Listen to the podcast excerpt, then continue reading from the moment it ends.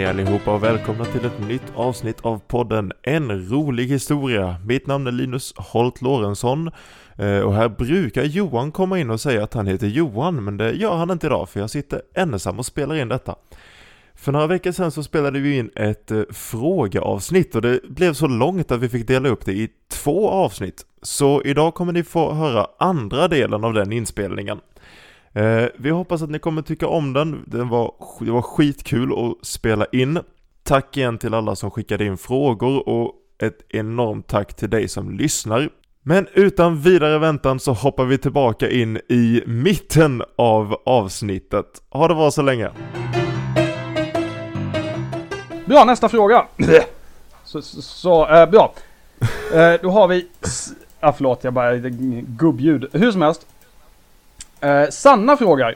Hur lång tid tillbaka i tiden har man haft husdjur?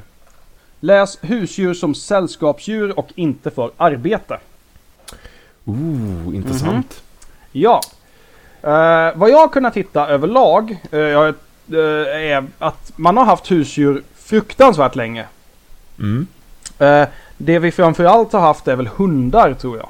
Det, det är ju det kända liksom att det var det första djuret som vi tämjde. Ja, precis. Det De är var- väldigt tacksamma. Var inte det för typ 30 000 år sedan någonting? Det var Alltså, jättelänge sedan. Eh, man har hittat, vet jag, för uh, åtminstone, åtminstone um, ska jag inte försäga mig nu, ja men åtminstone fem eller 12-ish tusen år sedan så har man hittat skelett och så där, där de är begravda tillsammans med människor. Och det är inte alls omöjligt att man har hittat ännu tidigare än så.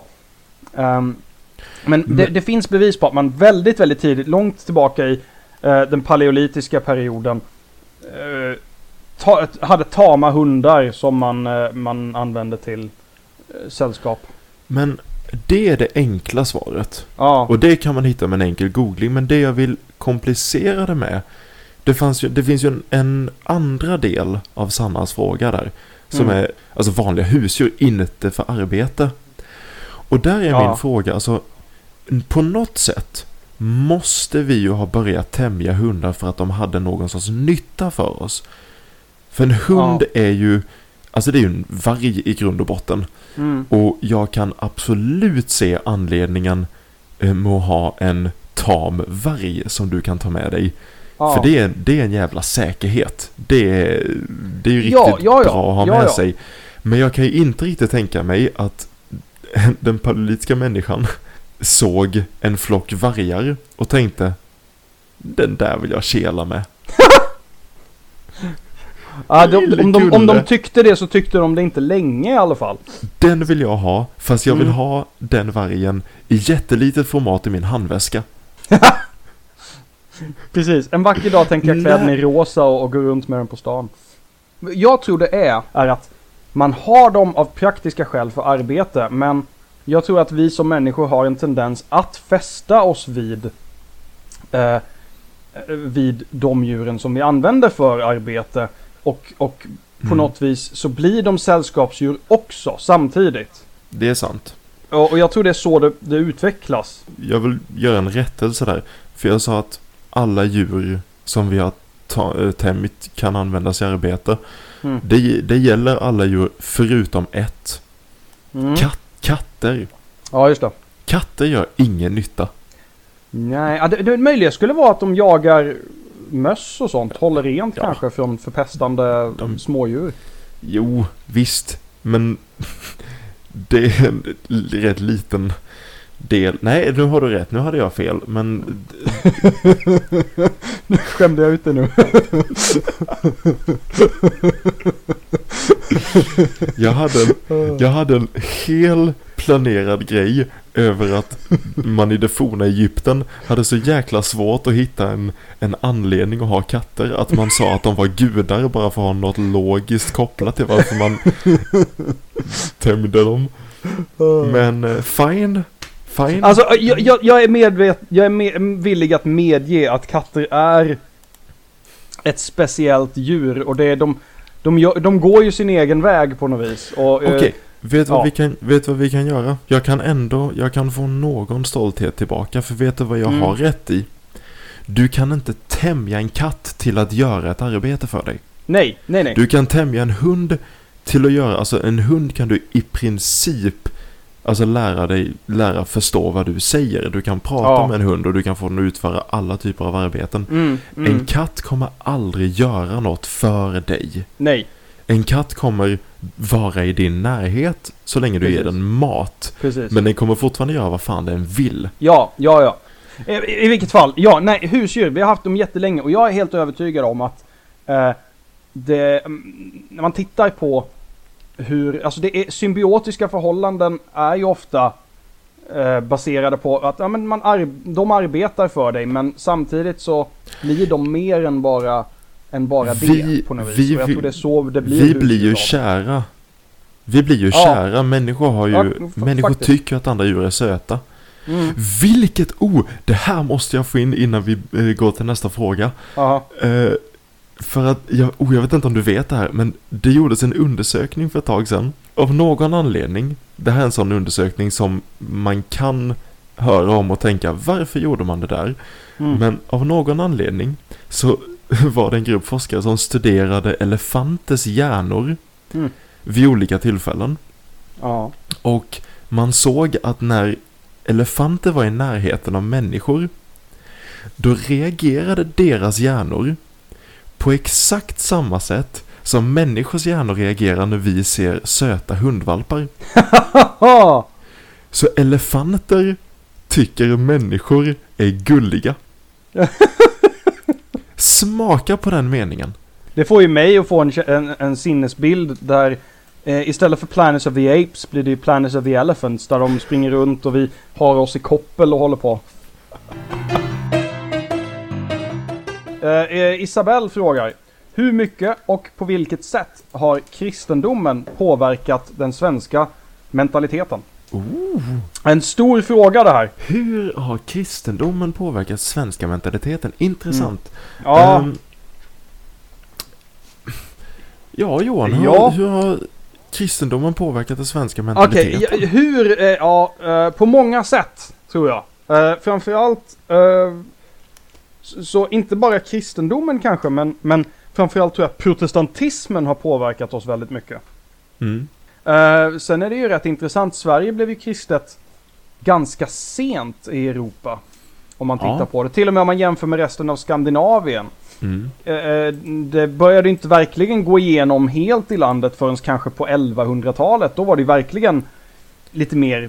Då hade det verkligen blivit antaget. 1000-talet var det också kristet, men det blev mer och mer liksom. Och det, det tog lite tid. Vi var sega med det där och an, anta oss eh, eh, kristendomen. Eh, men Det tycker jag till slut gjorde vi det redan väl. där. Om vi, ska, om vi ska tänka på, om vi ska fastna i svensk mentalitet, redan det känns väldigt svenskt. Ja, ja. Att det ska Ja, komma vi- en, äh, en ny religion här. Ja, Ja, men precis. Det är 17. Hey, Ja. Jag tycker om Tor. Ja, men precis. Det, vi ska göra som vi alltid har gjort. Vi ska göra som vi... Vi har bett till Tor och Oden i all sin dag. Ja men, ja men kan du tänka dig våra far och morföräldrar? Eh, att någon ska komma och säga till dem hur de skulle, eh, vad de skulle tro på liksom. Det, kommer ju, de skulle ju aldrig gå med på det. Nej, huarna mig. du kan ju tänka dig själv. Sen, sen är jag också svenska. Alltså svenskar är ju fortfarande människor. Ja, Så jag kan absolut se hur kristendomen kommer till Sverige. Svenskar är sjukt motvilliga till att ta åt sig kristendomen. mm. Sen tar vi åt oss kristendomen och då helt plötsligt så är det som om kristendomen är allt vi någonsin har haft. ja, Och, och då blir vi liksom jätte, jätteskeptiska till allting annat som inte är kristendomen. ja, ja. jag, jag, vi- kan verkligen, jag kan se med en svensk ett år efter att han har blivit döpt sitta där. Nej, kristna har vi varit i all sin dag. Nej men för, precis, precis. Och det blir lite det här nästan självförnekelse att det någonsin har funnits något annat. Men, och, och, och man glömmer ju så lätt också. När man, med tanke på idag så är vi ju, Sverige är ju ett väldigt sekulariserat land. Vi, vi har ju väldigt Det är vi lite liksom religion i landet som sådant numera. Eh, och då glömmer man lätt hur pass när, det var inte alls länge sedan som vi var väldigt religiösa och framförallt som sagt protestantiska. Mm. Och jag tror att det har påverkat oss fruktansvärt mycket för att Eh, mycket av det spirituella har försvunnit, men jag tror personligen att stora delar av den protestantiska läran finns kvar i oss någonstans. Ja men det gör det nog. Det, det Eh, tror Tänk, jag. ja men mycket det här, man man ska arbeta hårt och Ja men du vet själv, vi växte upp i Småland, vi har en väldigt stark tradition av det där. Och det är det här, man arbetar hårt, man, eh, eh, ja, man skaffar familj, man, a- alla de här grejerna. Det, det är bara det du gör, det finns inget att säga till om. Nej, jantelagen kan väl också vara ganska mycket sprungen ur, ur protestantismen. Att liksom du ska Ja, inte garanterat. komma här och tro att man är något. Utan men du ska göra det du ska göra och sen gör vi det. Ja, ehm, Jag vill ha ett svenskt ord för grit. Det är det här... Ja men jävlar anamma. Det behöver Mm. inte finnas en morot på slutet utan det är det här vi gör. Det, ja, Du ska bara göra det du gör och det är ju fortfarande väldigt svenskt. det är det. Alltså historiskt sett, eh, utomlands så har jag för mig att svenskar eh, väldigt länge har haft väldigt bra rykte för att vara väldigt arbetsamma och Ja. plikttrogna. Ja. Och det ligger nog lite kristendom bakom det, just den här plikten. Det tror jag absolut. Det, det sätts ju på sin spets lite grann när man är... Jag har ju en, en eh, mexikansk fru och hon är ju eh, katolik och hennes familj är ju katoliker. Mm. Och de har ju växt upp i det... I den andan och det är en ganska annorlunda kultur på det viset. Att de... Eh, de har ju en, en mer... Lite, lite mer avslappnad inställning till sådana saker som arbete och sånt. Och... eh, det, det, det är nästan det är större fokus kanske på att du ska ha en... På hur ditt liv ska se ut i förhållande till en massa andra saker. Medan, medan här så är det mer att, att vi, vi definierar oss själva kopplat till vad vi gör nästan på ett helt annat sätt. När jag var på ert, när jag var på ett av era bröllop. Mm. Ni har ju gift er i, i, en gång i Sverige och en gång i Mexiko. Jag var på ett svenska bröllop. Ja, Eh, och alltså det var ju väldigt, väldigt, väldigt roligt att vara med där för att det var så sjukt typiskt. Eh, för hälften av bröllopsgästerna kom från Mexiko ungefär. Mm. Ungefär Mm. hälften kom från Sverige. ja, Och efter den jättevackra vigseln, när vi kom tillbaka till där festen skulle vara, ja. då syntes det väldigt tydligt för att människorna från Mexiko alltså, började genast mingla. Ja, Började gå runt, började liksom snacka med varandra, var liksom precis. igång, det var kul, det var bröllop. Alla Ja. svenskar Ja, satte sig det blev först väldigt, väldigt svårt för svenskarna för att ni hade ju ingen bordsplacering. nej, så vi precis. visste inte var vi fick sitta. Så det gjorde att alla svenskar liksom satte sig i klunga runt typ tre bord jättenära varandra. Ja, Och så så såg man liksom, ljudnivån var ju tre gånger högre i de mexikanska borden bara för att de pratade överhuvudtaget. mm. Medan vi svenskar var tvungna att gå igenom det här, jaha och senast och, och vädret är fint. ja. ja det, det, är, det är jätteskillnad. Men det var väldigt, väldigt roligt att få se en sån stereotypisk uppdelning och hur, hur alltså tillbakadragna och nästan blyga svenskar är. Mm. Vi är väldigt speciella på det viset och det märks när man är utomlands tycker jag. Som, som den ärkesvensk jag är Mm. så eh, kan det skära sig lite ibland om man är utomlands. Framförallt i ett land som Mexiko där folk är väldigt sociala och pratar och dansar och, och skrattar och gråter. Och, och det kan vara väldigt mycket känslor för en liten svensk som mig. Ja, hur, hur tacklar du det? För jag menar, alltså ett bra exempel på hur, hur svårt det är för, för dig och mig som ärkesvenskar att vara sociala. Vi var ju tvungna att starta en podd för att prata med varandra. Ja men precis, det är, det är ju vår ursäkt egentligen för att faktiskt eh, prata lite då och då. Ja, men, för, alltså vi har ju känt varandra hela livet. Ja. Men vi, innan vi startade podden så pratade vi typ en gång om året. Ja men precis. Jättefruktbara samtal skulle jag vilja påstå. Jo, men jo. väldigt sällsynta. Men så, så hur tacklar du den här, den här kulturen? Det har, varit, det har varit en långsam och lite smått plågsam process helt ärligt. Jag älskar att vara där och jag älskar detta folk så fruktansvärt mycket. Men eh, de är väldigt intensiva så jag behöver liksom, jag behöver samla mig lite innan. Mm. Och, och verkligen liksom, okej okay, nu, nu, nu ger vi oss in på, på det här. Och, och jag har varit tvungen att, det har varit väldigt nyttigt för mig. För jag har varit tvungen att, jag har tvingats till en massa saker som jag inte vill göra. Läs, dansa bland en massa människor och saker som det. Uh, Sådana saker. Och uh, det har varit väldigt nyttigt. Men uh, ja, det, mm, det, det, det är jobbigt också.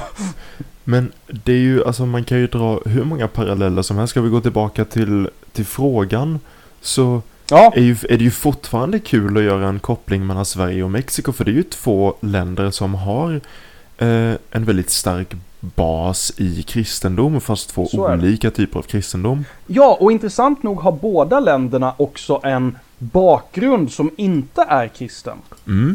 Och på det viset så har ju faktiskt Mexiko varit kristen mindre, eh, eller, eller en kortare tid än vad Sverige har varit. Plus att det är en helt annan typ av påtvingad eh, kristendom från, ja. från spanjorerna. Ja just det, ja det är sant. Och, och, det lever ju kvar, precis som i Sverige, att det fortfarande lever kvar lite folktro och så vidare.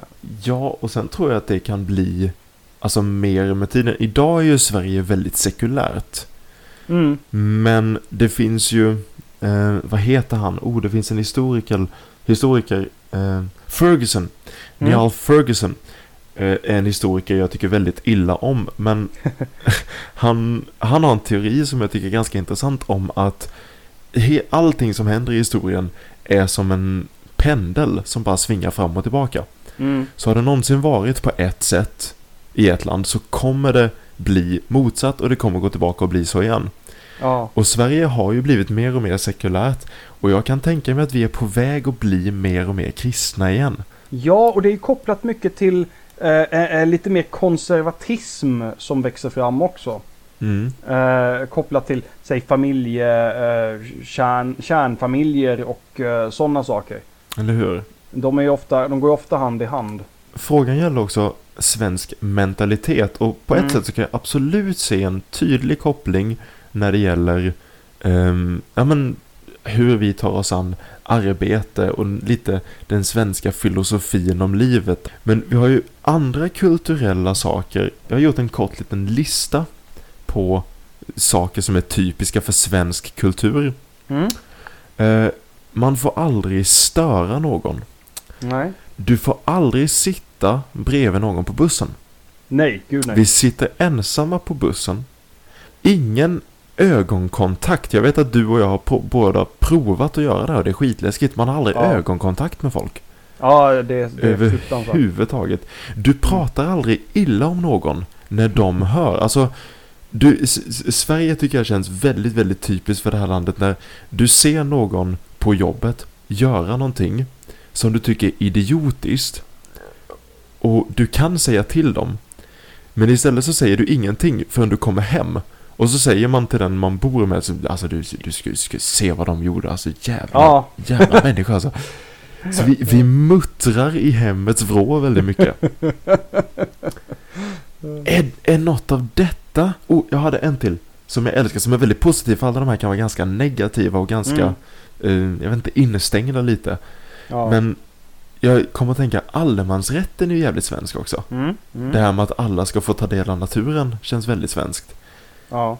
Har detta någon religiös bakgrund tror du? Är detta något som kommer från kristendomen eller varför, varför är svenskar så här? Det, det, är inte alls omöjligt. In, uh, innan, innan du svarar eller medan du tänker ut svar. När jag hade sagt klart den meningen utan att tänka på det så lutade jag mig tillbaka i min stol precis som att jag kände att Gutt, nu pratar du i 20 minuter. Din tur.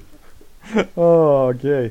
Ja, nej det, det, det, det kommer nog inte hända men eh, Eh, ja, det kan det säkert ha till en gräns i alla fall. Jag tror att det har nog en, eh, eh, faktiskt en effekt. Bara för att eh, eh, religionen har ju styrt så pass mycket hur vi ska bete oss och hur vi förhåller oss till andra människor. Och det, det tror jag tveklöst har påverkats av våran religion. För det är ju det är därifrån vi har fått de lärorna och vi har ju uppfostrats eh, i någon form av jag säger vi som att det här är sant överlag, men jag, alltså om man tittar på det rent historiskt, om man tittar på det som ett helhetsmönster så tror jag det har varit så i, i ganska länge. Jag känner att man får, man får tillåta sig vissa generaliseringar när man pratar med det här perspektivet. För att Ja, alltså ett vi finns aldrig. Inga två människor har någonsin tänkt exakt likadant. Men mm. historiskt Sve- Sverige kan man ju säga ändå vi, tänker jag. Jag känner att vi, Ja, vi, alla, ja. över, vi är alla överens över att alltså, självklart så är Sverige uppbyggt ur en mångfald av religioner, människor och folkslag. Det är ju ingen så är det. tvekan om. Så är det. Men, men man kommer aldrig ifrån att vi har eh, en eh, ganska kristen tradition om man tänker på i många fall. Sverige tror jag är, alltså vi är, på ett sätt är vi väldigt kristna. För Mm. vi gör väldigt många kristna saker. Men jag tror att vi Ja. har glömt bort att de är kristna saker. Alltså det, Ja. det, det enklaste exemplet att dra är ju att jul, påsk, stora kristna högtider, vi firar ju inte dem på ett kristet sätt, de flesta svenskar. Jag, det slog mig när vi hade senaste julavslutningen på jobbet. Ja, ja. Eh, för man samlar ju alltid ihop en kör och så ska de stå och sjunga några julsånger.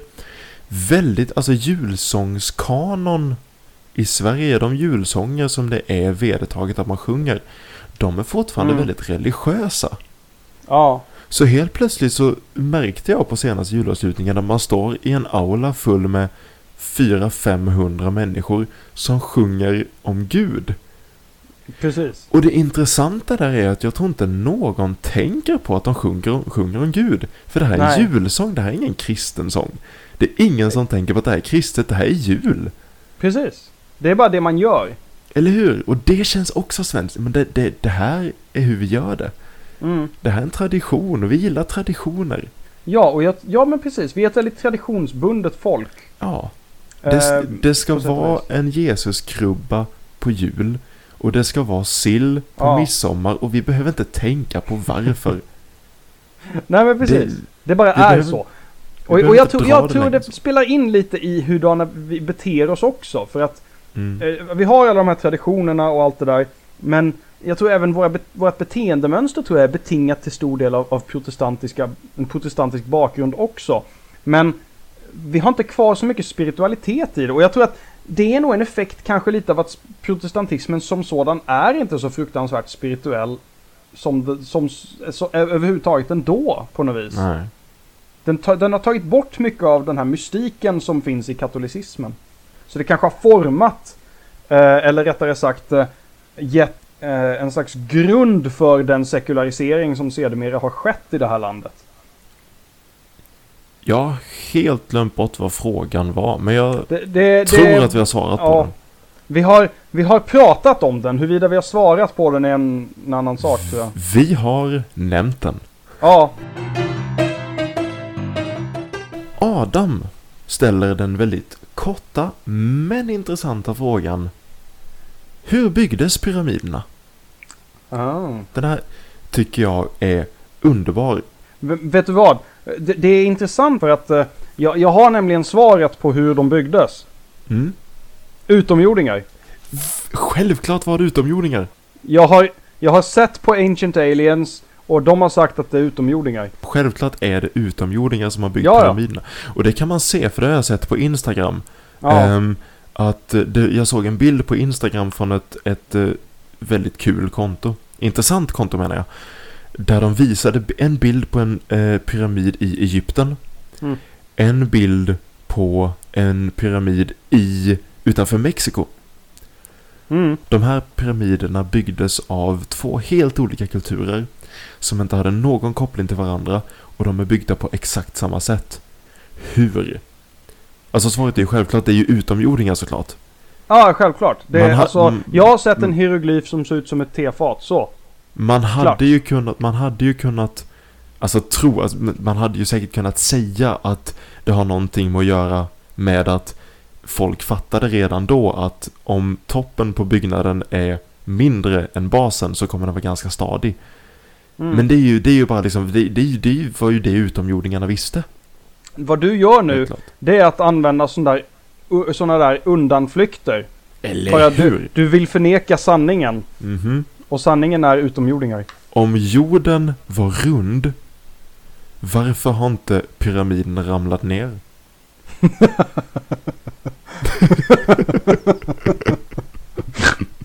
Mic drop. Bara gå härifrån, du har sagt ditt. Vi, vi avslutar podden. Det här är sista avsnittet. Jag tycker det är så underbart. Jag älskar alla sådana här historier som, där svaret är utomjordingar.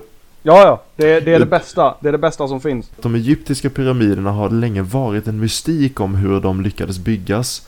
Mm. Ehm, för att dels de är sjukt höga. Ja. Eh, och dels eh, de blocken som de är byggda av är, jag tror de låg alltså över ton. Så det finns ju en mystik kring hur de byggdes. Eh, grejen är att det är ganska lätt att hitta alternativ. Man har kommit på flera olika alternativ som det hade kunnat skett. Mm. Så egentligen så finns det inget mysterium förutom att vi inte kan veta säkert för att vi men det, det, det hände för 3000 år sedan, vi kan inte veta. Mm. Så har man väldigt goda idéer om hur pyramiderna har byggts och det har man haft i alltså 30 år typ. Det som jag tycker är intressant med den här frågan är att det här är fortfarande en sån fråga som kommer upp i varannat nummer av vilken historietidning, populärhistorietidning som helst. Ja. Det görs fortfarande dokumentärer om detta på typ historiekanalen. Vi, vi vägrar släppa att det här är ett mysterium. Precis. Frågan om hur man, bygg, hur, hur man byggde pyramiderna ser jag lite som samlingsfrågan för alla de här sakerna som vi vill se som mysterium. För Ja. de är fortfarande lite mysterium. Vi vet inte exakt hur de byggdes. Vi vet inte vilken, eh, vilken teknik man använde. Mm. Vi har inte det svartvita svaret. Och Precis. det öppnar upp för så jäkla mycket konspirationsteorier. Så är det, så är det. Och det finns, det finns mycket sådana saker i historien som, som är så att säga o, o, olös, eller, ja, mysterier helt enkelt. Och på, på, med det i åtanke tycker jag att vi tar och går vidare till nästa fråga. Om du Okej. känner dig klar. Oj, det, oj, det här är... Oh, nu är vi följetong. det här gillar jag. Ja, för, för det, spelar rätt, det spelar in rätt bra i, i nästa fråga då. Som eh, kommer från Peter. Som eh, skriver som följer. Eh, Hej Johan och Linus. Hej. Eh, min Hej. lillebror är historienörd och har flera gånger nämnt sjöfolket för mig. Jag var ganska vaken på mina historielektioner i gymnasiet men har aldrig hört talas om något sjöfolk. Eh, vilka var de? Har de funnits på riktigt eller ljuger min bror för mig? Och det här är alltså någonting som spelar in i eh, ytterligare ett historiskt mysterium så att säga. För det här sjöfolket, det är någonting som talas om för väldigt, väldigt länge sedan. Och det här har faktiskt med Egypten att göra. För de, de var ett folk som tydligen ska ha eh, kommit från ingenstans och bara förstört en jäkla massa längs med, längs med kusten vid Egypten och, och eh, en massa ställen där runt, runt havet. Och, eh, ehm, och eh, eh, bland annat utrotat, säger de, eller hjälpt till att utrota eh, den, eh, ehm, vad heter de? Het, het, hetiterna. Hetiterna. Mm. Ehm, och det är hela den kulturen, precis. Så det, Jag, de har ville blivit bara, någon slags... jag, jag ville bara ha en clean cut, för jag bara säga Hetiterna. Jag ville bara lägga in det så jag kan klippa in det så det låter som att jag hjälpte dig där. Precis, precis. Fortsätt. Ja, och eh, det här är då eh, någonting som har blivit en slags historisk, vad ska vi säga? En slags historiskt mysterium som, som vilka var de här människorna? Så, varför, var kom de ifrån? Och sen de försvann bara från ingenstans. De, de nämns bara eh, som en slags, nästan som en pest som kommer och, och eh, tar över och förstör och sen drar därifrån. Och det, ingen vet riktigt vad de var för några. Var det inte riktigt, var det inte så också att vi, det var inte förrän på typ 1800-talet som vi hittade några texter som nämnde dem och innan dess så har de inte liksom, de har inte varit en del av historien alls för vi har inte Nej, precis. vetat om De- dem de- liksom. Nej, de har varit, de har varit, de är bara omnämnda i princip. Det är det vi vet om dem. Sånt kan jag tycka är så himla intressant för att det visar så tydligt ehm, hur lite vi vet om historien. Ja, För att på, på ett sätt har ju historien historien är ganska enkel på ett sätt. Historien har hänt, någonting har hänt. Och, och det, alltså det som hände, hände. Mm. Men den historien som vi pratar om och den historien som vi diskuterar och läser om, det är ju bara fragment, det är ju bara små pusselbitar som vi har lyckats hitta. Och det öppnar upp Ja. för ganska mycket mysterium. För Det någonstans ju det, finns och ju en det- sanning om det här sjöfolket, Ja. men, och den kan ju vara alltså, intressant på en skala från 0 till, till 100, men bara att vi inte vet någonting om dem Mm. gör det så förbannat intressant. Precis. På något konstigt sätt så är det nästan mer spännande att inte veta. Jo men det, jo, men det är det ju. Eh, på, på något vis. Eh, men, men det är ju det här. Det, det är så mycket som har hänt som vi aldrig kommer veta om. Mm. Eller aldrig kommer åtminstone ha hela historien på. Hur får det Eh. dig, hur får det dig att känna? Alltså du, du är en, du är en människa som föds in Mm. i, alltså idag, det här gäller ju alla människor, men när du föddes då var människan så utvecklad som den hade blivit. Du Mm. lever i en sån tid som, alltså det finns så mycket som du får uppleva som ingen i mänsklighetens historia har fått uppleva innan. Men du kommer aldrig kunna få lära dig en bråkdel av allt som har hänt. Mm. Är det något som äggar dig eller är det något som stör dig? Nej, det stör mig fruktansvärt mycket. Det, det är en sån där sak som håller mig vaken om nätterna. För att det, det är så mycket jag vill veta. Eh, och det är så mycket jag vill ha sett och upplevt.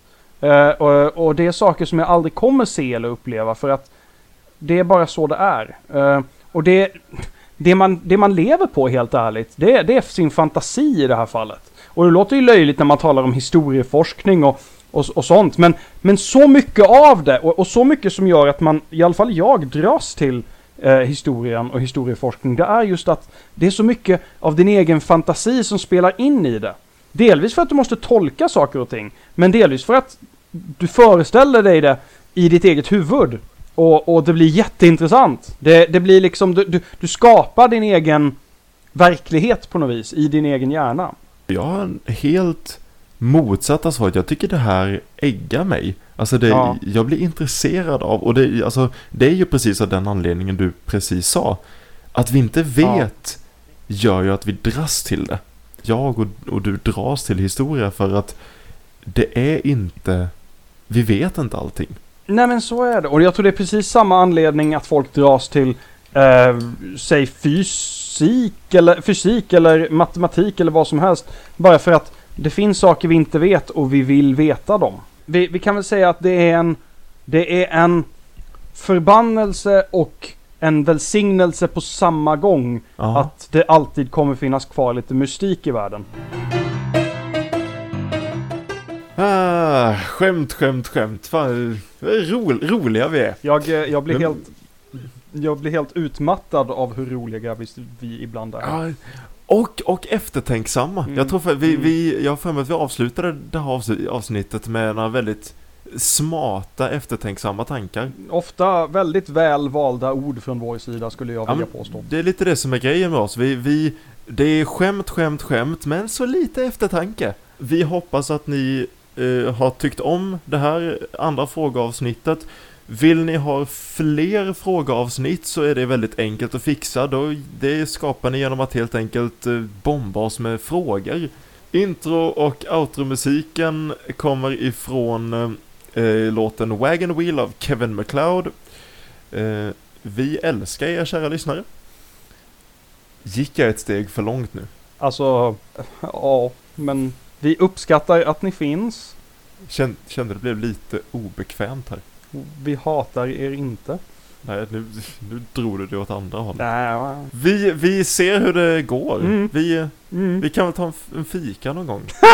no strings attached liksom. Ja, ja, precis. kan ju- precis. Ni kan ju välja om ni vill lyssna på, på våra avsnitt eller om vi...